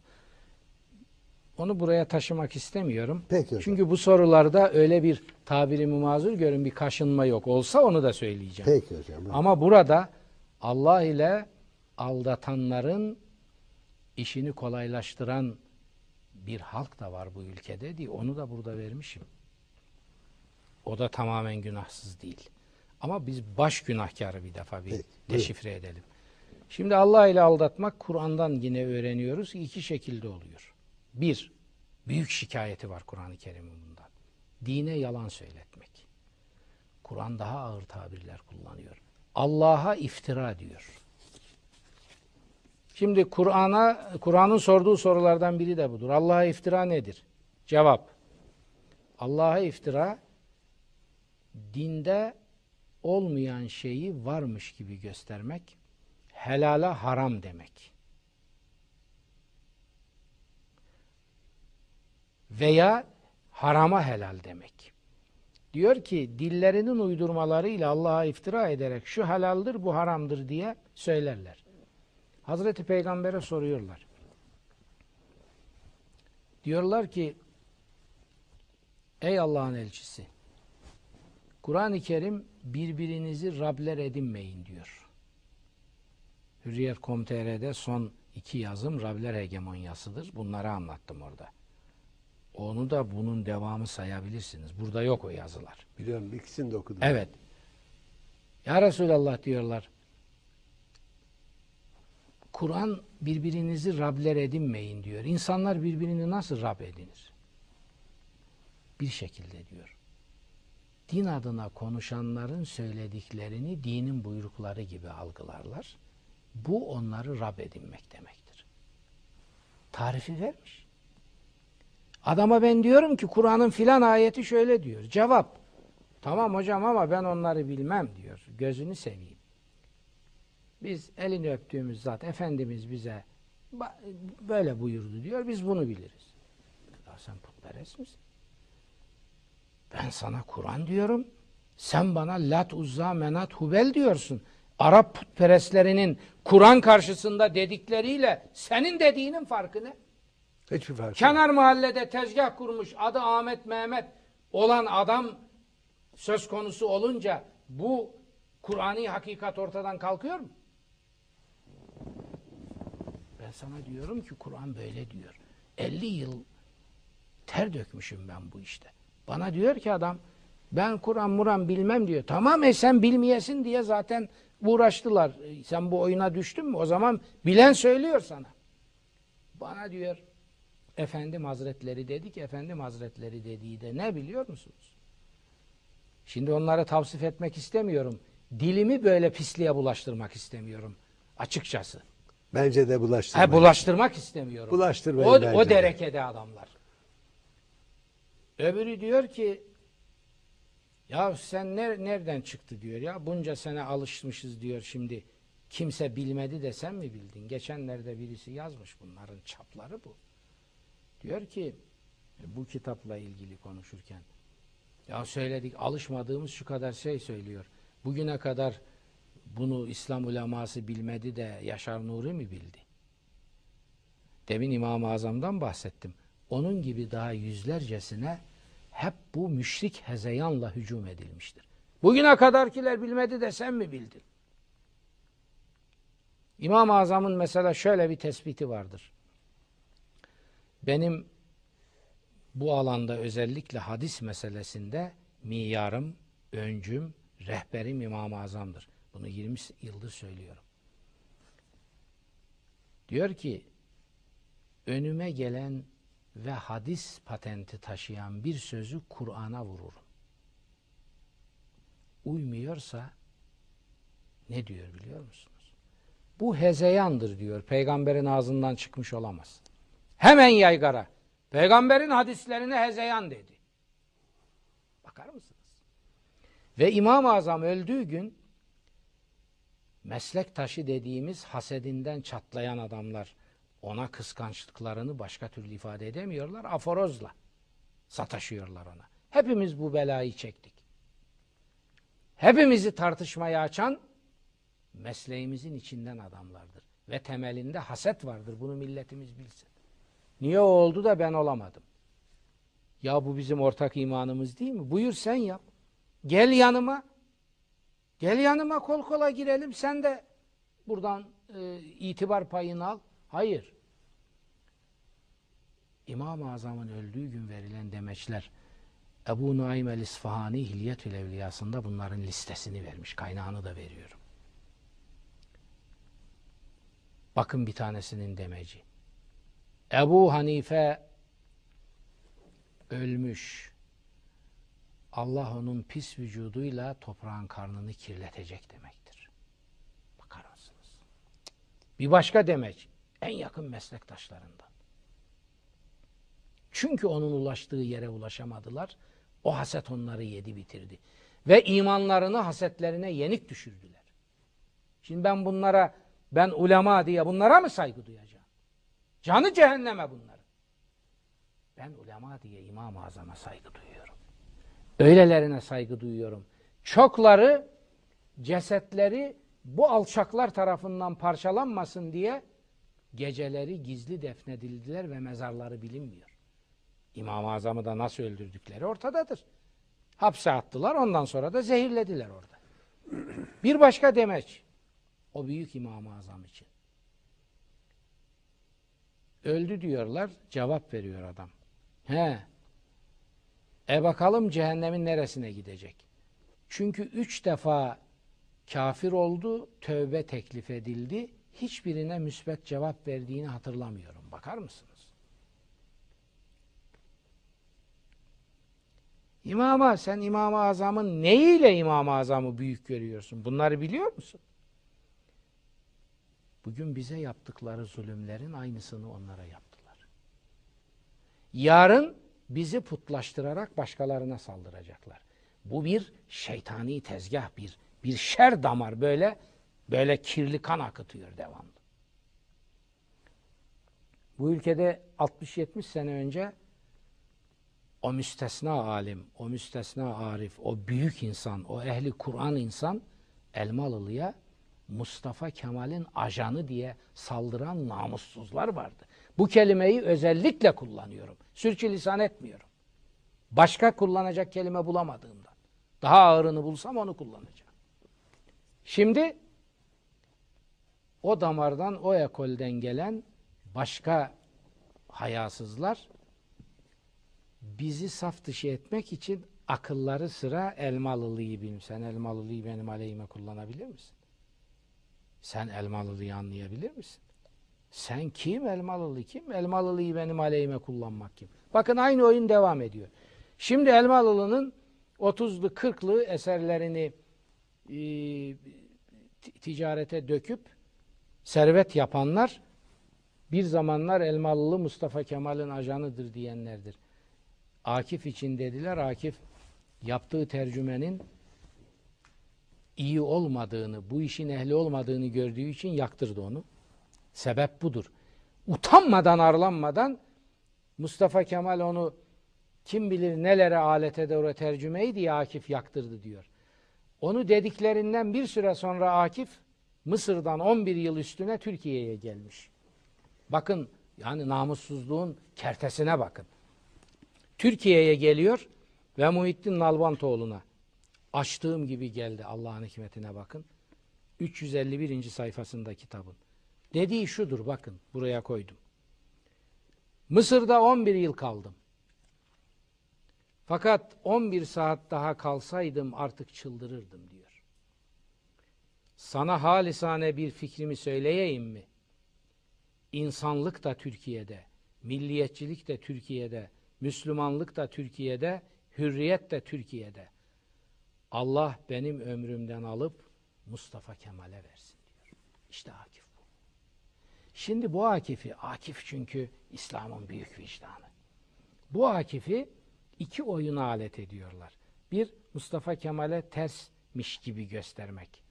Hayır, hayır öyle bir şey yok. Tam tersi, Akif'le Mustafa Kemal 13. yüzyılda Yunus, Mevlana, İbn Arabi, Hacı Bektaş dörtgeninde oluşturulan o muhteşem Türkmen yorumu, o muhteşem Anadolu hümanizmini 20. yüzyılda devletleştiren siyasi önderi Mustafa Kemal, fikri mürevvici Akif. Akif'i Allah nasip ederse bu milletin önüne esas Akif'i ve misyonunu ve yaptığını, tarihe bıraktığını koyacağız. Akif'in safahatı bir Kur'an tefsiridir. Ve Mustafa Kemal'in oluşturduğu emperyalizme karşı kurduğu devletin manevi manifestosudur safahat. Bazı büyük insanlar ben saygımla buradan söylüyorum. Bu kitaba Cumhuriyet'in manevi manifestosu dedi. Hayır, bu o payeye, bu o payeye varmış değil. Belki bundan sonra gelecek olan Türk Bağımsızlık ve Aydınlanma Savaşı'nın Kur'ani boyutları ona layık. Bu tabiri ben Sayın Cumhurbaşkanı kullandığında Ahmet Necdet Sezer söz arasında başka bir vesileyle ben hemen eve koştum. Kendilerine dedim bu kitap değil o bundan sonraki kitabın ismi olur ve ismi ilave ettim. Parantez açtım altına Cumhuriyetin manevi manifestosu diye. Fakat bizden önce Cumhuriyetin manevi manifestosunu Mehmet Akif'in safahatıyla biz gördük. Sayın Sezer de hep saygıyla anılacak çok önemli bir dönemde Cumhurbaşkanlığı yapmış bir zattır. Türk İslam yani müdafai hukuk vicdanının yaşadığımız günlerdeki ender temsilcilerinden biri. Kesinlikle katılıyorum. Bu millete verdiği büyük hizmetin de kadri kıymetini bu millet şimdi bilmiyorum anlayacak mı? Ama o demin dediğim Sırat Köprüsü meselesi bir sonuçlandığında onu daha iyi anlayacak. Şimdi şuraya gelelim. Allah ile aldatanlar günah mı işliyor diyor. İki şey yapıyorlar. Kur'an'dan alıyoruz. Bir, dine yalan söyletiyorlar. Çünkü dine yalan söyletmeden dini aldatma aracı yapamazsın. Ve Kur'an-ı Kerim diyor ki bunların yaptığı yani Allah ile aldatılmayın diyen Kur'an bunun alt başlıklarını da veriyor. Bunların yaptığı Allah'a iftira ederek yalan söylemektir. İki, Allah ile aldatmayı dünyalık devşirme aracı yapanları da Kur'an-ı Kerim değerlendiriyor. Bunlar da dini inkar eden iki yüzlüler, takiyecilerdir diyor. Dünyalık bunların mabududur diyor. Allah derler ama bu bir batılı fikir adamının sözüdür. Papazların Allah ile aldatma şeytanlıklarını anlatırken diyor ki bunlar hep İsa derler ama hep altın ve pamuk kastederler. Bizdekiler de böyledir. Bakın Allah ile aldatmayı nerelere soktular? CNN'de o Cüneyt e, denen genç arkadaş güzel bunları çıkarmış bir program yaptı. Ben orada da söyledim. Helal gıda. Alkolsüz kolonya. Ya sizin hayanız yok mu? Haksız rekabet yapıyorsunuz ve Allah'ı kullanıyorsunuz. İslam'ın alkolsüz kolonya diye bir talebi mi var? İslam alkolün içilmesini yasaklıyor. İçmediğin zaman başka hangi maksatla kullanırsan ki çoğu tedavide kullanılır. Temizlikte kullanıyor. Yani en birinci temizleyici. İstersen bahçende havuz yap akşama kadar içine gir. Senin İslam'ın seninle bu, bu açıdan hiçbir alıp vereceği yok. İçme diyor. Onun da tabi sınırlarını koymuş. Nebis hükmünde olmayacak filan oralara girmiyorum. Orada da büyük yalanlar söyleniyor. Başka bir program yaparız Yap- bunlar. yaparız. Bununla Şimdi- ilgili. Bu yalanlarla işte helal gıda ya Türkiye'de hangi gıda haram gıda da sen bunu helal gıda yapacaksın? Avrupa ülkelerinde bu yalan foyası çıktı meydana. Çünkü İslam'ın bütün mezhepleri Hristiyanların ve Yahudilerin, Musevilerin kestiği etlerin helal olduğunu.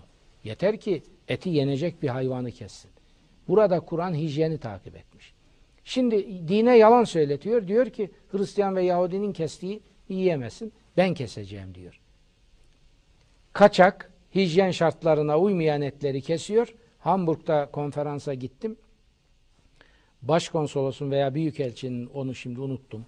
Karıştırıyorum onları. Evine gittik. Dedi ki bugün burada feci bir hadise oldu. Ne oldu?